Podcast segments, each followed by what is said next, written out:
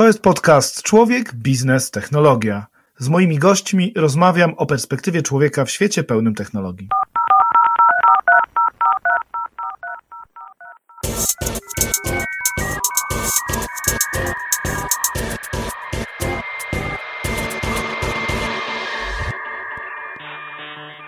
Cześć, dzień dobry. Witam Cię w kolejnym odcinku podcastu Człowiek, Biznes, Technologia. Dzisiaj moim gościem jest Joanna Kalinowska, dyrektor Centrum Nauki Kopernik, dyrektor do spraw rozwoju.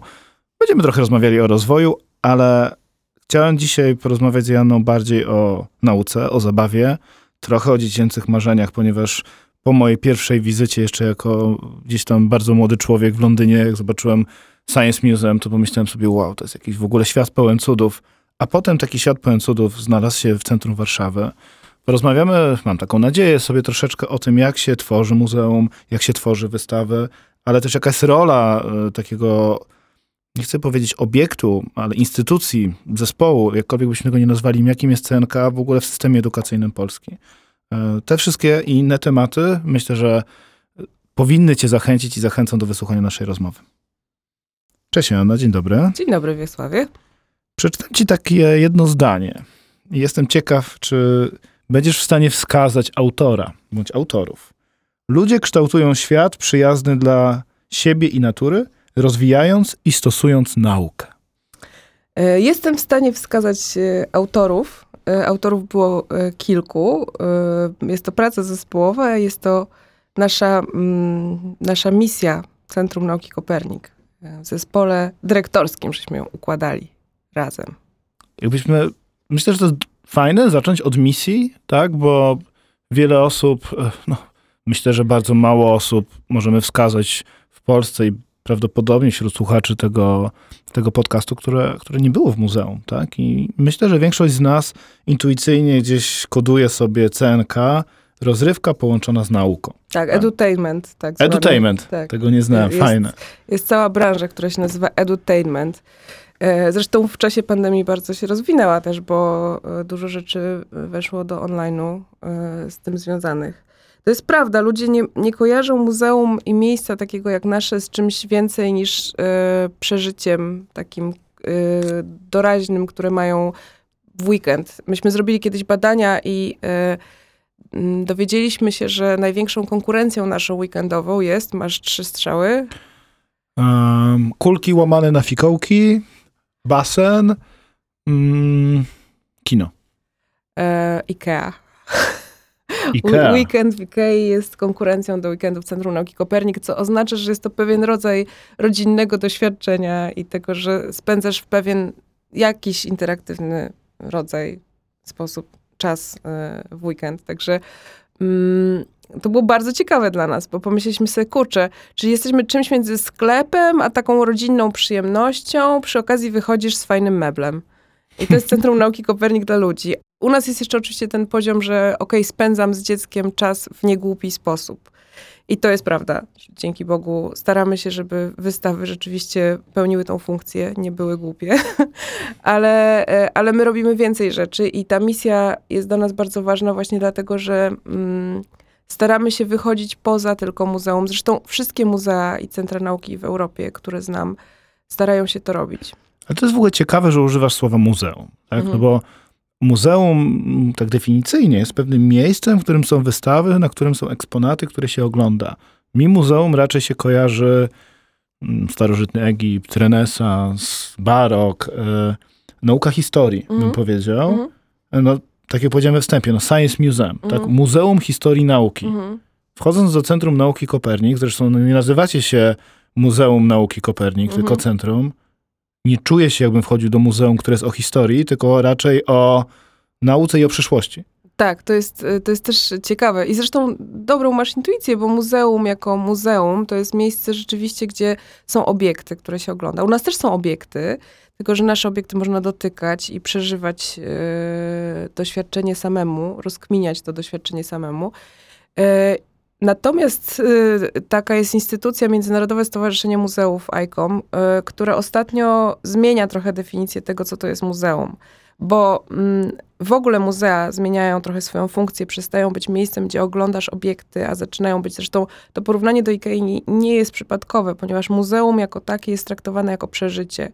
I to, co, czego doświadczasz, czy w kontakcie, kontakcie ze sztuką, czy w kontakcie z obiektami, które pokazują ci zjawiska naukowe, tak jak u nas, to jest pewnego rodzaju przeżycie, doświadczenie jako całość. I w ogóle jest teraz cała linia praktyków, która się zajmuje tym, jak e, budować relacje między zwiedzającym a muzeum właśnie w kontekście takiego przeżycia. To jest bardzo w ogóle ogromnie ciekawe e, każdemu, kto się interesuje. Nie wiem, kto się interesuje muzealnictwem. Jest nas nie tak wielu w Polsce pewnie, mhm. ale są świry. Jest taka strona muzealnicy. Bardzo dobra zresztą na Facebooku. Żartujemy sobie z muzeów tak. dużo ze swojego zainteresowania tym tematem. Jest taka autorka Nina Simon. Ona pisze pięknie o tym, jak budować relacje muzeum z y, jego otoczeniem, jak muzeum powinno być. Y, ona pisze, ta książka się nazywa The Art of Relevance. Jak czynić muzeum takim, które będzie um, relevantne. Ja nie wiem, jak to powiedzieć po polsku. Straszne są te naleciałości. W świecie wielkich film doradczych jedno z bardziej popularnych Relevantny.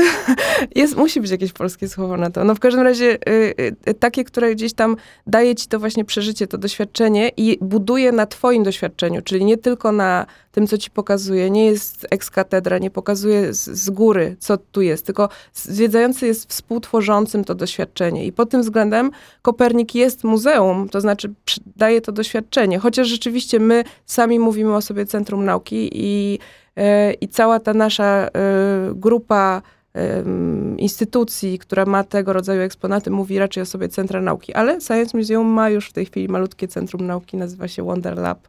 Okay. E, I, I też idą w tą stronę, żeby być bardziej interaktywni, żeby dawać zwiedzającym taką szansę do odkrywania. Właśnie niesamowite jest to, że ja w tym Science Museum, to każdym razem jak jestem w Londynie, to idę. Wcześniej uh -huh. chodziłem sam, Potem chodziłem wtedy jeszcze z moją narzeczoną, teraz chodzę z dziećmi. E, niesamowite jest to, że jak kiedyś to faktycznie był taki złoty gral i wróciłem do Polski, mówię, wow, w ogóle ekstra. Jeżdżę tam bardziej z sentymentu, natomiast mam takie poczucie, że Jezu, oni się gdzieś zatrzymali troszeczkę.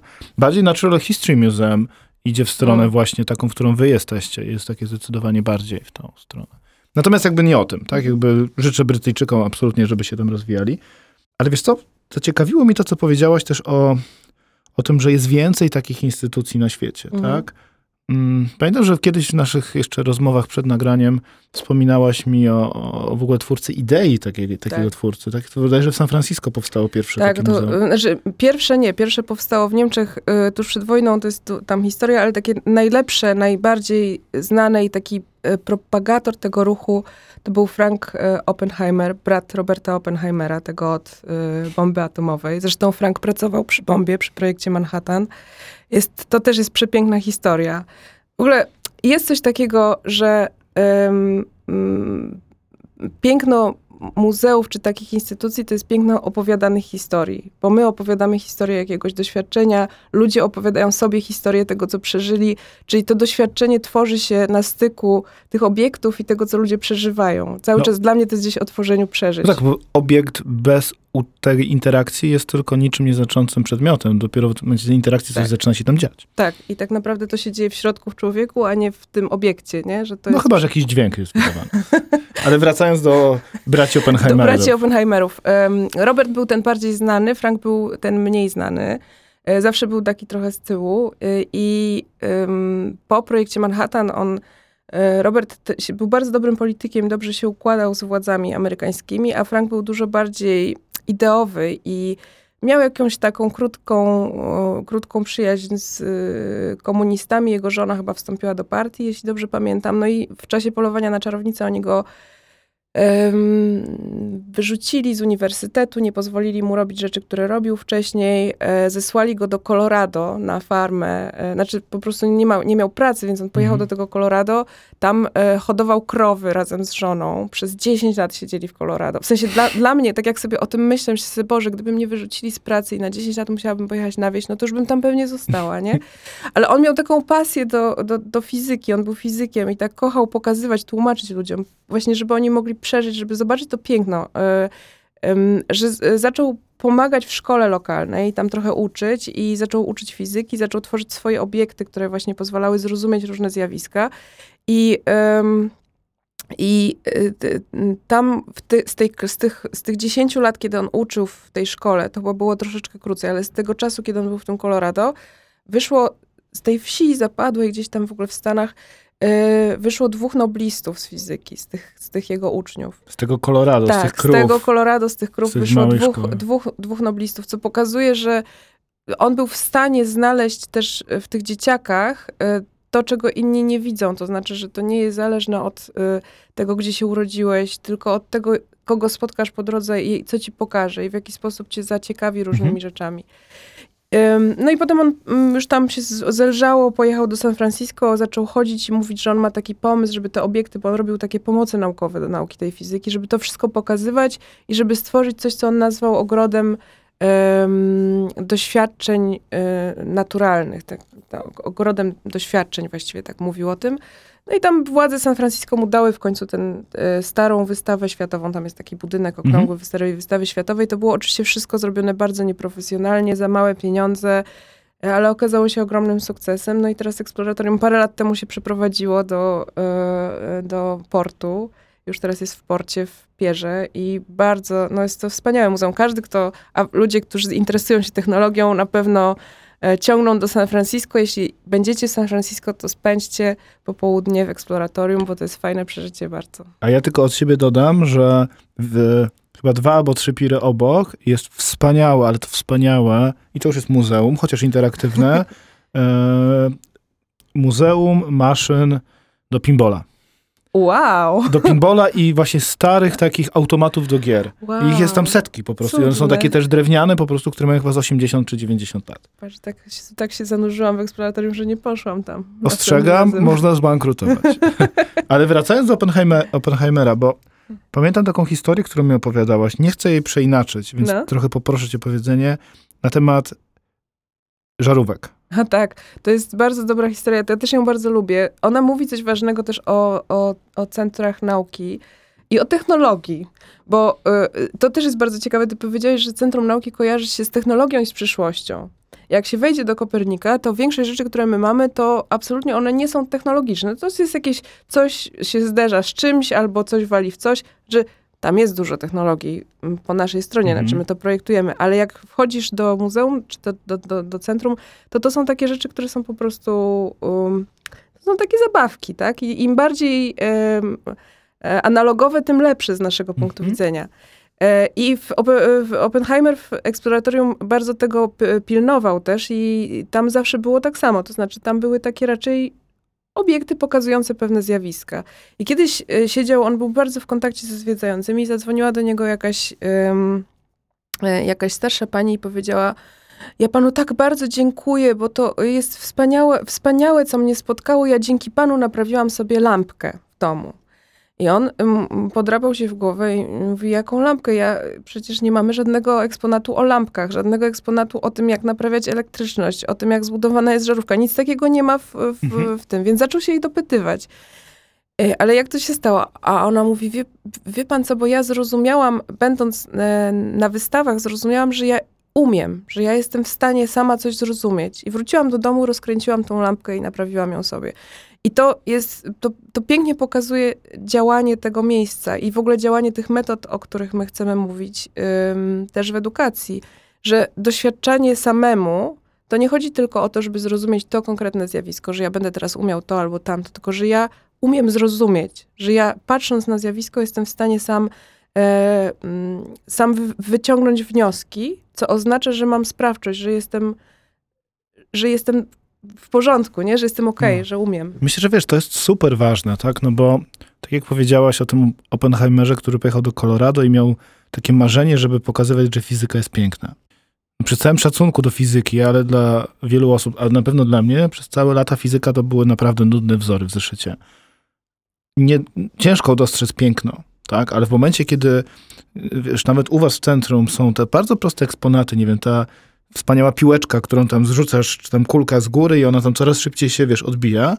I mój ośmioletni syn patrzy na to i on już rozumie to zjawisko, tak? I można powiedzieć, tak, fizyka potrafi być piękna. Nie Mm. wiem, granie na harfie ze światła to też jest przecież zjawisko fizyczne, nomen Mhm. omen, piękne zjawisko fizyczne i to, stoso- i, i to jest to, co macie w tej misji, to jest chyba też to stosowanie nauki, prawda? Czyli zrozumienie, zobaczenie, że mogę i, i, i też stosowanie tego w życiu. Super fajne. Tak, tam gdzieś jest zaszyte też oczywiście analizowanie informacji, danych, y, rozumienie y, skąd się biorą informacje, skąd się bierze nauka i ta część jest dużo trudniejsza, bo jedna rzecz to jest zachwyt i to pokazanie właśnie Mhm.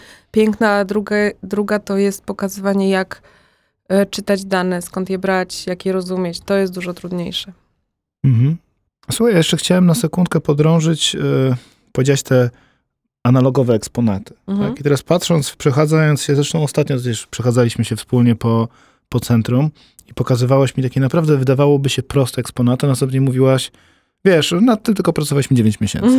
Tak? I patrzysz na to, myślisz sobie, wow, przecież to jest takie małe, e, ale jak rozumiem ten cały proces wytworze- wymyślenia, wytworzenia eksponatu, wymyślenia, jak o nim opowiedzieć, przetestowania, no, to jest chyba skomplikowane. Tak, to jest, y, to jest takie, mm, my to nazywamy prawdziwym R&D w Koperniku, najprawdziwszym, bo rzeczywiście to jest proces badawczo-rozwojowy. Y, Ktoś ma pomysł na zjawisko, które po, po, pokazać należy. Koleżanka wymyśliła na to piękną nazwę, łowcy zjawisk. Jest łowca zjawisk, Łowcy który, zjawisk. którym się sobie można byłoby pokazać to albo tamto, to jest ciekawe, nie? I potem em, ktoś musi zaprojektować ten eksponat, czyli musisz przetestować, w jaki sposób to zjawisko można pokazać i to widać. Czyli robisz jakiś pokaz na jakichś małych obiektach, próbujesz najpierw, e, sprawdzasz, czy to się da zobaczyć po prostu. Mhm. No a potem to skalujesz i tam po, po drodze przy tym skalowaniu też jak chcesz zrobić coś dużego, coś trwałego, bo też nasze obiekty widzą 2,5 tysiąca osób dziennie w niepandemicznym roku. Teraz y, jest oczywiście zmniejszona pojemność budynku. Ale w, y, normalnie musi taki obiekt przetrwać kontakt z d- dwu i pół tysiącem osób dziennie, czyli jakby musi być też bardzo odporny, bardzo trwały y, i tak zbudowany, żeby niełatwo dało się go zepsuć.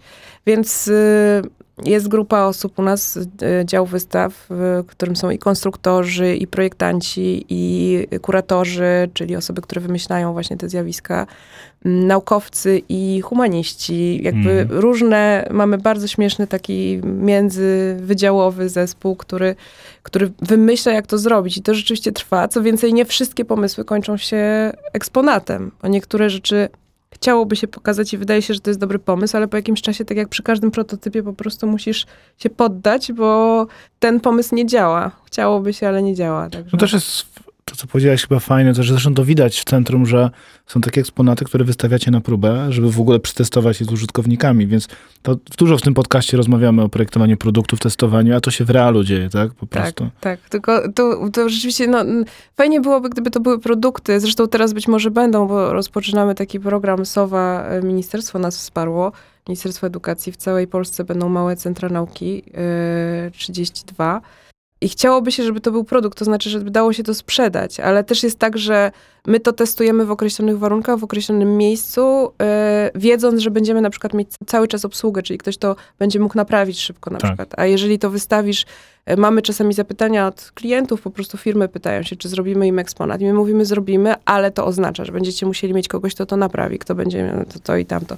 I to często firmy zniechęca, bo no jest to wyzwanie, jak obsłużyć Mm. taki obiekt potem też y, dalej. To nie jest tak proste w obsłudze jak telefon typu. Nie no, ja myślę, że to wiesz, w ogóle nauka nie jest prosta, tak? A już tworzenie centrum, które tą naukę objaśnia, w ogóle nie może być proste, ale jakoś wy tak to robicie, że jak się wchodzi już do samego centrum, Mhm. to widać, że to doświadczenie gościa, nie wiem, nauczyciela, Mhm. ucznia, rodzica, jakkolwiek byśmy tego nie nazwali, ono jest zaprojektowane i ono jest jakieś, tak? Mhm. Zaczynając od małych drogowskazów, przez tabliczki, przez opis eksponatów, przez całą ścieżkę, którą podążacie. I mi się Mhm. wydaje, że też jesteście bardzo fajnym przykładem, że da się doświadczenie w budynkach użyteczności publicznej projektować. Mm. To jest bardzo miłe, co mówisz, bo włożyliśmy w to dużo pracy też, żeby to doświadczenie projektować. I zresztą, e, szczerze mówiąc, mamy być może, mm, to jest, y, byłby lepszy gość tutaj, mamy dyrektora do spraw doświadczenia zwiedzającego. A nawet jest panią taka dyrektor. funkcja, panią dyrektor Anię Lipińską, pozdrawiamy Anię Lipińską. E, Ania budowała eksponaty przez wiele lat, a teraz się zajmuje zarówno mm, myśleniem o tym, jak budować te eksponaty, ale też równocześnie jak obsłużyć publiczność i jak, y, jak zapewnić jak najwyższej jakości doświadczenie. No, a mówimy tu o milionie osób rocznie. Tak, i to też jest wyzwanie, bo I to jeszcze w większości to są osoby poniżej 1,40 m i pewnie 12 lat. tak, y, często przychodzą w grupach i lubią biegać, a ulubionym ich eksponatem jest winda. Winda, Winda, tak, tak. czyli nauka grawitacji. Nauka grawitacji, stawiliśmy kiedyś nawet wagę do windy, żeby mogli sprawdzać, e, czy się mniej waży, jak się jedzie. E, ale już wtedy w ogóle nie wychodzili z windy, więc zlikwidowaliśmy. Okej, Okej, ale jak już jesteśmy przy eksponatach, to według ciebie takie właśnie rzeczy, które są ulubionymi eksponatami i tutaj właśnie dla najmłodszych, Mhm, dla rodziców, mhm. ale też dla was jako pracowników Mhm. centrum. E, Dla najmłodszych, bo to jest pytanie, które pada często, więc od razu na nie odpowiedzmy. Można przyjść do centrum z dzieckiem, które ma bardzo mało lat, rok, dwa lata. Najważniejsze jest to, żeby samo umiało siedzieć. Jest taka galeria bzy, No e, której, której można się bawić. Trzeba przyjść z rodzicami oczywiście. E, Niektóre dzieci tak się przywiązują, że potem próbują przekupywać panie przy wejściu, żeby wejść powyżej szóstego roku życia, bo to jest galeria do szóstego roku życia, czyli starsze dzieci nie mogą już tam wchodzić. Jest woda, można się bawić, jest super, trzeba wziąć ubranie na zmianę, ale generalnie... Ale woda jest też na zewnątrz. Woda jest też na zewnątrz, tak. Woda jest z, drugiej, z dwóch stron. Natomiast tam w tym bzy y, szaleństwo trwa. Wy, wy, wynosi się bardzo zmęczone dziecko stamtąd. Bo Ja już parę, paru, paru moich tam chrześniaków i różnych wprowadzałam, więc wy, wywlekałam takie flaczki stamtąd.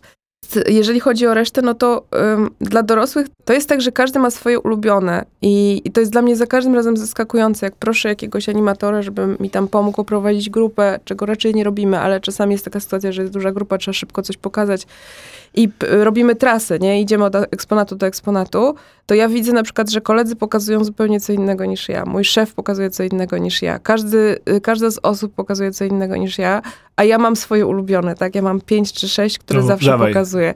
Lista Janny. E, Moje ulubione eksponaty w centrum to jest e, komora Wilsona, czyli inaczej komora mgłowa i nie wymyślił jej ruski uczony mgłow, wbrew nazwie. E, Jest to komora, w której można zobaczyć promieniowanie. To jest pierwszy detektor cząstek, który został wymyślony. Wilson, który to wymyślił, dostał za to Nagrodę Nobla. To jest dość skomplikowane urządzenie, które też wygląda bardzo prosto i jest metafizyczne dla mnie. Patrzy się i widzi się ten kosmos, który przelatuje przez nas, e, nie na jakimś wy, wypasionym sprzęcie w Cernie, tylko po prostu e, w środku Warszawy e, w, w muzeum. Więc to jest mój, jeden z moich ulubionych. Jakbyście szukali, to jest takie duże kółko, które wygląda trochę jak myśl Kwadrat, od siew... kwadrat, przepraszam, ale wygląda trochę jak myśl od siewnia z Harry'ego Pottera. Trochę tak, to, to, to było prawda. skojarzenie mojego To syna. prawda, stoi w, w czarnym kącie. Na pewno latający pączek jest taki eksponat. On jest animowany przez, y, przez animatora zawsze. To jest mag- o magnesach, o magnetyzmie Mhm. eksponat. Można y, zobaczyć lewitujący obiekt i to jest takie, że wow, że i potem można wykminić samemu, dlaczego on lata. I to też jest fajne, jakby dochodzenie do tego, dlaczego coś się utrzymuje w powietrzu, mimo że nie ma skrzydeł i nie ma motoru. Mam parę ulubionych eksponatów z lustrami, bo one są zawsze takie ciekawe. To są proste zjawiska optyczne, które, e, które dopiero jak się bawisz lustrem, to one tak jakoś wracają do dzieciństwa, nie? W sensie do takiego czasu, kiedy się eksperymentowało samemu i nie było w Mhm. domu nic więcej, tylko właśnie lustro, garnek i coś tam i sprawdzałeś sobie, a jak zrobię tak, a jak zrobię tak, to co będzie. I te lustra są trochę o tym, to znaczy jak stanę tak, jak spojrzę z tej strony, to co się zmieni. E, I mają taki efekt wow w sobie, szybki, co jest fajne. E, Mam parę eksponatów, które e, zrobiliśmy sami. Jeden z nich to jest e, o złudzeniach takich neurologicznych, nazywa się aksamitne dłonie, o tym jak dotyka Och, się... Pokazałaś mi go ostatnio i byłem tydzień później z rodziną i 15 minut tam staliśmy. Tak, bo tak można sobie zrobić takie miękkie rączki. No teraz jestem też, um, taką mam fazę przyjaźni z nową naszą wystawą, czyli z wystawą o przyszłości właśnie. Tam jest trochę inaczej, bo to nie są takie O obiekty. tym za chwilę. Tak. E, To nie są takie obiekty właśnie do dotykania, tylko bardziej do oglądania. Mam też e, parę eksponatów w, w części takiej, gdzie jest zaciemnione, gdzie jest e, optyka. Na przykład bardzo ciekawy eksponat, który ludzie nie zauważają go, to jest taki eksponat, gdzie się dyskutuje o kolorach. To się nazywa rozmowa o kolorach. I tam trzeba wybrać, który kolor jest Mhm. najbardziej zbliżony do środkowego kółeczka. I to jest takie fajne, bo pokazuje, jak jesteśmy różni, że, że to, jak, że nasza percepcja zależy od tego, kim jesteśmy, jak mamy zbudowane oczy i że tego się nie da uniknąć, że czasami też nasz, y, my jako odbiorca wpływamy na wynik doświadczenia, tak? To też jest ciekawa, jakiś ciekawy kawałek Jasne. nauki bardzo dla mnie. Ja dodam tylko właśnie, z, a bywam w miarę często, że jednak takim chyba evergreenem jest dla mnie fakir. Po prostu. A, tak, to I prawda. to nieważne z kim pójdę, w jakim wieku, to po prostu bycie na tych właśnie igłach fakira to jest... Czy myśmy byli razem, Wiesław, na galerii, jak y, widzieliśmy taką grupę przedszkolaków, które prowadziły poważną debatę, czy ja z kimś innym to widziałam? Chyba z kimś innym. To było cudne. Na łożu fakira, bo to jest takie, dla tych, którzy nie widzieli, to jest taki eksponat, gdzie można wysunąć szpilki i, yy, i położyć się na nich, a z drugiej strony są takie kulki, na których można się położyć i można sprawdzić, na którym z tych eksponatów, na której części eksponatu jest wygodniej i generalnie na tych kulkach jest mniej wygodniej niż na tych szpilkach, e, bo ciężar się równomiernie rozkłada na tych szpilkach, jest po prostu dużo punktów podparcia. I ja byłam ostatnio na galerii z kimś i pokazywałam ten eksponat i tam była grupa przedszkolaków, bo oni byli w takich zielonych kamizelkach, podpisane było przedszkole tam ileś i nie było pani, bo gdzieś tam była obok i oni, ja nie wiem, było z, dziesięć, z dziesięcioro tych dzieci, takich pięć, sześć. I oni prowadzili normalnie poważną debatę naukową na temat, dlaczego tak jest. Ja nie mogłam się napatrzeć. Wyciągali te szpilki, chowali, jeden się kładł na tych kulkach, dyskutowali, mówili, a teraz spróbuj tu, a teraz spróbuj tu. To było to było dokładnie to, wiesz, że, kto, że one zostawione same sobie mogą, ba, robią to lepiej niż dorośli, sprawdzają, testują i uczą się, że umieją. No właśnie, bo dzieci nie są, wiesz, tak ograniczone tymi wszystkimi kliszami, które sobie sami nakładamy, prawda? Tak. I ja bardzo lubię zostawiać właśnie moich synów sam na sam. Z różnych względów. Lubię też trochę odpocząć samemu, pozwiedzać, ale oni naprawdę eksplorują sami to muzeum. Tak. Zanim przychodzą, zapytają się, dlaczego tak jest i tak dalej. Ale myślę, że ogromną też wartością jest, żeby dzieciaki po prostu same eksplorowały większość tych rzeczy. Jak tak. już umieją czytać, no bo te opisy jednak też trzeba czasami poczytać. Wiesz co, to nawet jak nie umieją czytać, bo mnie się zawsze przypomina dzieciństwo, w sensie, wiesz, te zabawy magnesami, jak gdzieś dopadłeś magnes u kogoś znajomego, spirografy, różne takie mhm. dziwne rzeczy, którymi się bawisz w dzieciństwie, tylko dlatego, że one są dziwne, nie? Że nie wiesz o co chodzi, ale to jest ciekawe i dziwne. I, I dzieci, nawet jak nie czytają, to po prostu sprawdzają różne rzeczy, dlatego że one są inne niż to, co widzą na co dzień. I mnie się to, to mi, ta część mi się wydaje najbardziej wartościowa, że tu jest miejsce, gdzie możesz po prostu biegać, bawić się i sprawdzać rzeczy, których na co dzień nie widzisz, albo zobaczysz je bardzo wielkie, tak? Wielki magnes albo coś takiego. Jana, jak już jesteśmy przy dzieciach, to właśnie powiedziałaś coś takiego, że te centra nauki, one muszą być gdzieś tam relevantne, ale też dla całego systemu, tak? No wy mhm. nie działacie w próżni. Mhm. Nie jesteście tylko i wyłącznie budynkiem, do którego się wchodzi i wychodzi, trochę rozrywki, trochę nauki i tak dalej. Działacie jakby w ramach większego ekosystemu i prowadzicie bardzo dużo działań, także stricte związanego z systemem edukacji. Mhm. Rozumiem, że myślicie też o sobie jako części tego systemu w pewnym my, sensie. My myślimy o sobie jako o uzupełnieniu do tego systemu, yy, bo system jest tak skonstruowany i to wszędzie jest tak skonstruowany, że jednak jest równocześnie systemem opieki i systemem edukacji. To znaczy oddajesz dziecko po to, żeby móc do szkoły, po to, żeby mhm. móc pracować. I tam no, siłą rzeczy są nauczyciele lepsi, gorsi, bardziej zaangażowani, mniej zaangażowani. Więc to, co my robimy, to staramy się w ten system, to, dookoła niego budować miejsce, gdzie można eksplorować, doświadczać, sprawdzać różne rzeczy i staramy się też uczyć nauczycieli, dawać im, dawać im szanse, narzędzia, metody do tego, żeby sobie rozwijali, w sobie rozwijali te kompetencje związane z takim, taką tak zwaną przez nas metodą badawczą, czyli czy metodą naukową, e, żeby uczyć dzieci właśnie tego, tej sprawczości, że one same potrafią e, mhm. przeprowadzić doświadczenie i sprawdzić. I to jest jakby główny element naszej roli w systemie, tak my się widzimy, jako ten, który dostarcza rozwiązań i pomaga rozwijać te kompetencje. Chętnie też wchodzimy w takie projekty, znaczy staramy się uzupełniać y, wiedzę nauczycieli i staramy się też wchodzić w relacje z organizacjami czy z instytucjami, które mają tych nauczycieli zainteresowanych i które chcą po prostu dawać im dodatkową wartość. Fajny jest ten program SOWA, o którym wspomniałeś, tak? No bo to w pewnym sensie jest, jak rozumiem, pomnożenie centrum razy 32, umieszczenie go w mniejszych miejscowościach i bliżej ludzi i zwiększenie skali. Tak. tak? Czyli Tak. zapakowanie CNK do małego pudełeczka, kluczowych narzędzi, kluczowych eksperymentów, tego doświadczenia i wysłanie w kosmos. Tak, i y, no też bardzo liczymy na to, że dzięki temu stworzą się wokół takich centrów małe społeczności. Zresztą to nie jest tylko program SOWA, bo my mamy, y, jesteśmy w Stowarzyszeniu Spin Społeczeństwo i Nauka, w którym są inne centra nauki. Jest naprawdę wiele wspaniałych miejsc w Polsce, które jest eksperyment w Gdyni, jest Hewelianum. Teraz będzie się otwie- otwierało w, w Szczecinie y, Muzeum Fal. Jest jakby szereg miejsc, które w Toruniu, Młyn Wiedzy, jakby jest szereg miejsc, które starają się tą samą e, misję realizować. W Łodzi EC1 e, też e, działa. Mhm.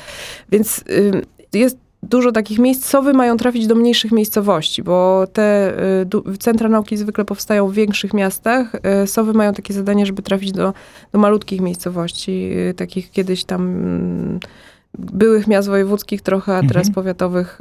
y, Gdzieś tam staramy się mm, trafić. No to jest super ważne. Ja pamiętam mm, taki program, zresztą on chyba ciągle jest, teraz nie śledzę troszeczkę. Pamiętam, że jak Bill Gates założył swoją fundację, no to jeden z pierwszych projektów, w którą się zaangażował, jeszcze wtedy z Melindą, to było program na rzecz aktywizacji i dofinansowania bibliotek. Mhm. Bo oni zdefiniowali Tak. bibliotekę Tak, był wspaniały program. tak, w małym miasteczku jako to miejsce, które jest praktycznie w całych Stanach i które przede wszystkim poza wypożyczeniem książek skupia lokalną społeczność.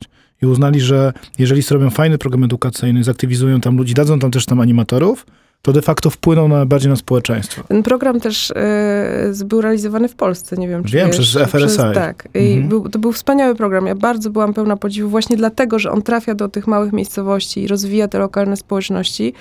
Ale tutaj muszę, e, muszę wtrącić swoje trzy grosze, bo nie byłabym dyrektorem rozwoju, gdybym nie powiedziała, że e, zobacz, takie rzeczy nie mogą się zadziać bez ludzi, którzy chcą to też wesprzeć finansowo, bo sowy E, można mówić różne rzeczy, ale one są wsparte, jest duży program, są miliony złotych i one Mhm. zostały przekazane przez Ministerstwo Edukacji, co byśmy nie mówili, to Ministerstwo Edukacji te pieniądze dało.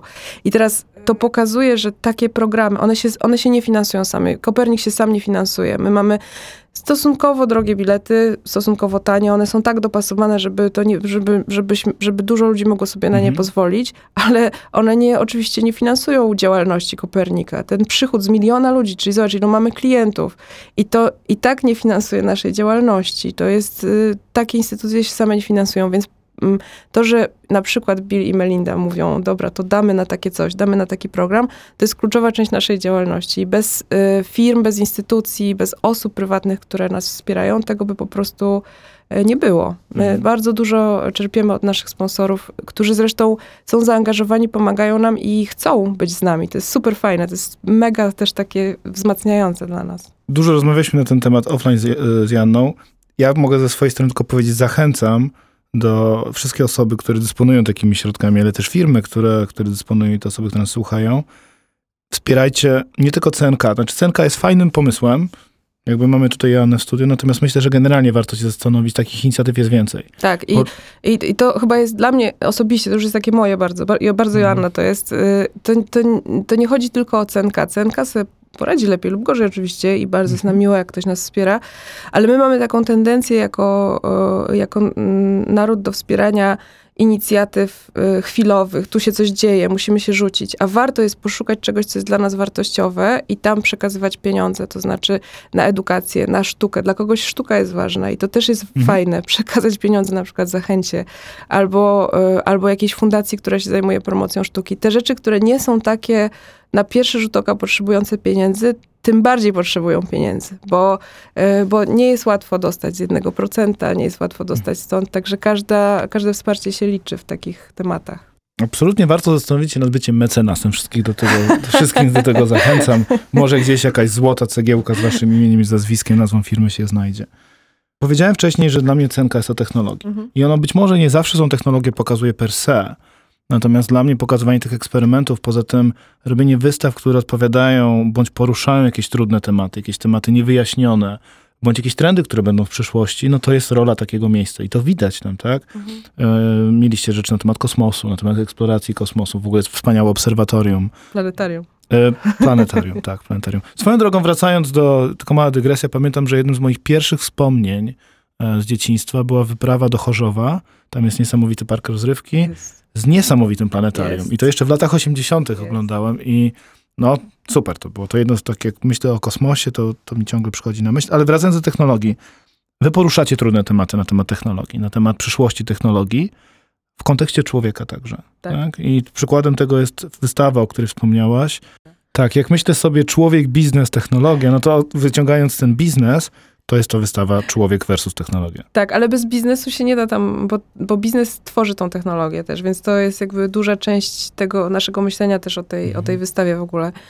E, Dużo centrów nauki robi takie wystawy teraz, co też pokazuje pewien trend, że my y, czujemy taką odpowiedzialność, że musimy przygotowywać też ludzi na to, co nadejdzie, co będzie za chwilę.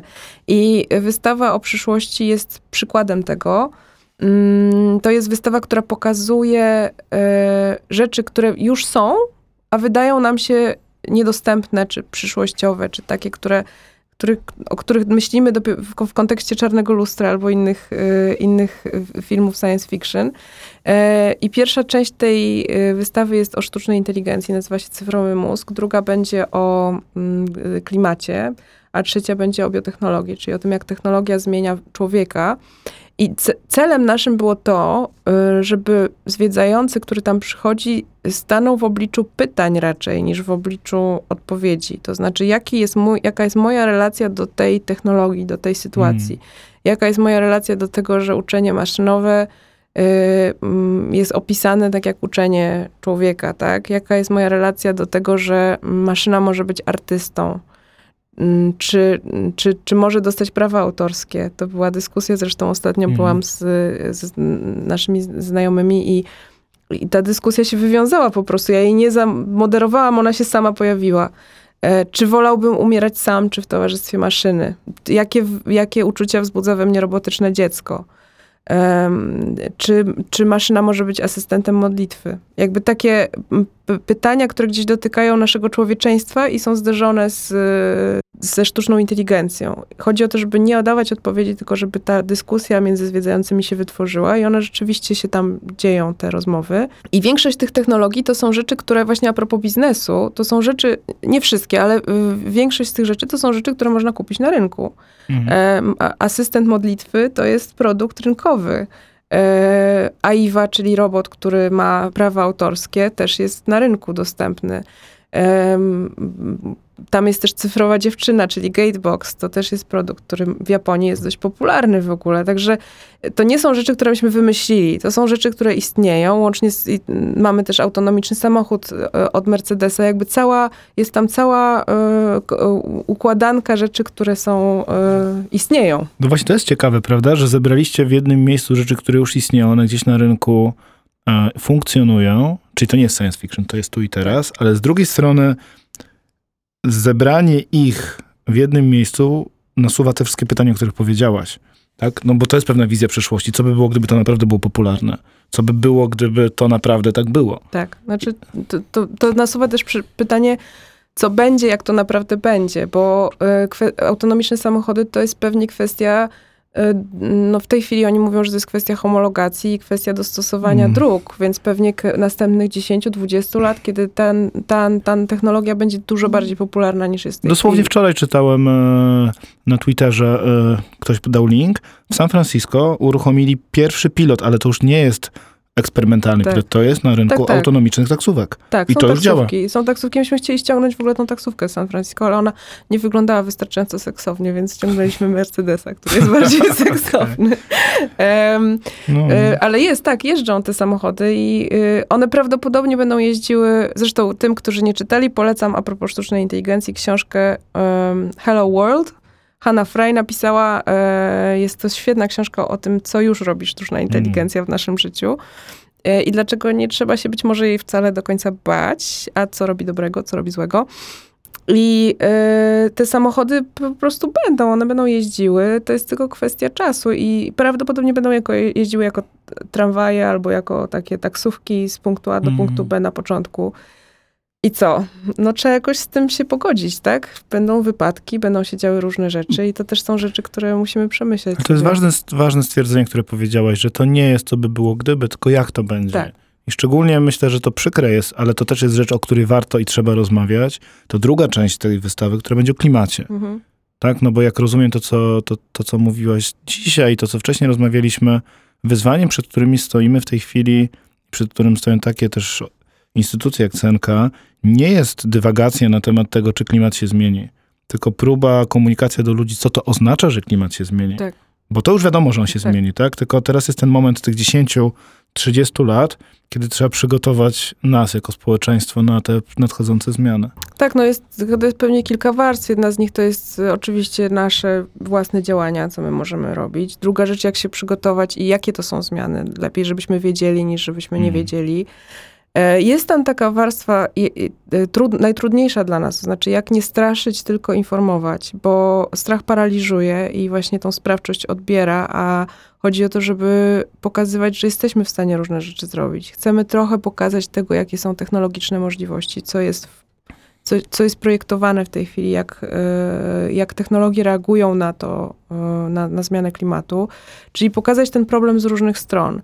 Mnie też się wydaje, że jest ogromnie ważne, żeby pokazywać, że to jest że to są fakty, dlatego że różnica między 13 lat a 30 lat to jest nie tak dużo. Czyli dziecko, które ma teraz 13 lat, będzie tworzyło legislację i będzie tworzyło, decydowało o tym, jak będzie wyglądał świat już zaraz, Mhm. za chwilę, w momencie, kiedy te zmiany nastąpią.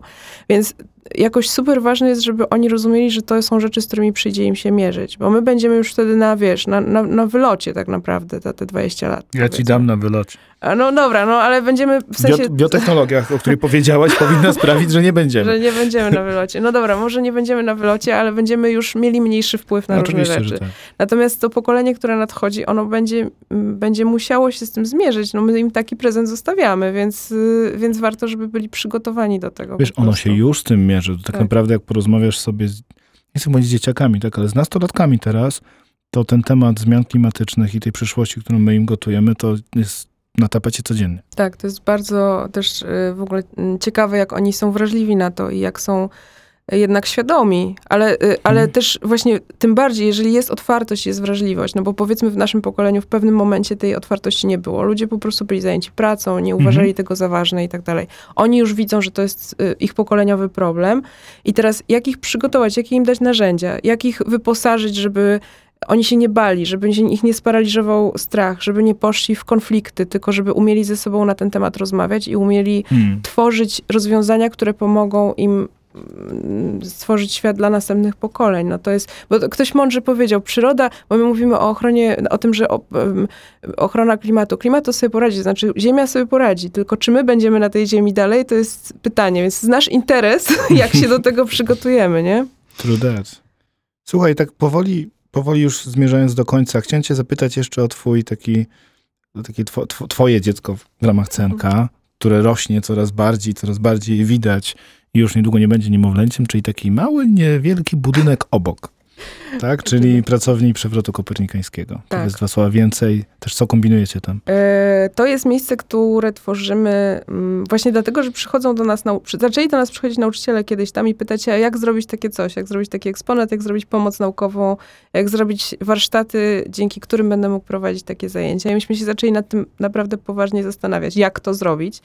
Nie tylko robić, ale też jak to się robi. I ym, postanowiliśmy w pewnym momencie stworzyć przestrzeń taką badawczo-rozwojową, czyli miejsce, gdzie będziemy mogli naprawdę y, rozwijać te narzędzia, ale też prowadzić badania z y, Mhm. grupami uczestników i to już jest miejsce wyposażone w sprzęt badawczy, również w, w sprzęt do mm, badania postaw, zachowań, y, w lustra weneckie. To jest połączenie psychologii, właśnie nauk społecznych i stemowych y, Mhm. nauk, czyli mm, tego tworzenia takich właśnie pokazów i z, nau- z nauk ścisłych bardziej, bo to, co my pokazujemy, to jest STEM, ale to, co badamy, to są, y, to jest psychologia i ludzkie zachowania. Będzie całe piętro, które będzie właściwie dedykowane tylko temu. Ja jestem bardzo podekscytowana. W tej chwili tworzy się zespół, em, kupujemy ten sprzęt, wyposażamy ten budynek. No mam nadzieję, że się zobaczymy na otwarciu. Na pewno. Czekam na zaproszenie, ale... w przyszłym roku mamy otwierać ten ale rozumiem, że o ile, e, o ile CNK, tak jak je znamy, no to jest to CNK będącą przestrzenią dla, dla odwiedzających, to ten, budynek obok, no to jest przestrzeń bardziej takie do pracy nad tym, Tak. żeby i w budynku głównym, i w tych sowach, i we wszystkich miejscach po prostu tworzyć nowe narzędzia edukacyjne. Tak, i to jest bardziej przestrzeń nasza i przestrzeń dla naszych partnerów, przestrzeń Fajnie. dla wszystkich, którzy będą zainteresowani badaniami nad e, procesami uczenia się, tak to nazywamy. Czyli jak człowiek się uczy, co zrobić, żeby się uczył lepiej, jakie są najlepsze metody. To jest cała ogromna dziedzina wiedzy i też bardzo, bardzo ciekawa. Super. Asiu, bardzo Ci chciałem podziękować za tę rozmowę. Y, Myślę, że poruszyliśmy dużo więcej tematów niż się nawet spodziewałem. I na pewno dla mnie, ale też myślę, że dla naszych słuchaczy ta kolejna wizyta w CNK będzie już inna. Tak? Te, zobaczcie, wyobraźcie sobie te wszystkie małe procesy, które tam idą, i te eksperymenty, i, i te dyskusje, y, y, y, i to kupowanie, i to myślenie nad nowymi eksponatami. I pomyślcie też o tym sobie, że ta rozrywka, którą tam fundujecie sobie, swoim dzieciom, znajomym, ma jakiś cel. I się zastanówcie, jaki. Albo po prostu dobrze się bawcie, bo to też jest ważna część tej wizyty. Albo po prostu, albo pójście do planetarium w momencie, kiedy jest koncert jazzowy. Wszystkim polecam. Tak, tak. Dzięki wielkie. Dzięki.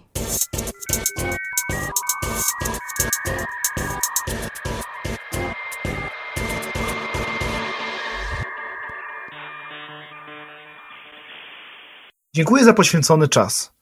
Ten oraz inne odcinki podcastu Człowiek Biznes Technologia znajdziesz na stronie Deloitte.com oraz na najpopularniejszych platformach podcastowych takich jak Spotify, Apple Podcast, Tidal czy Google Podcast.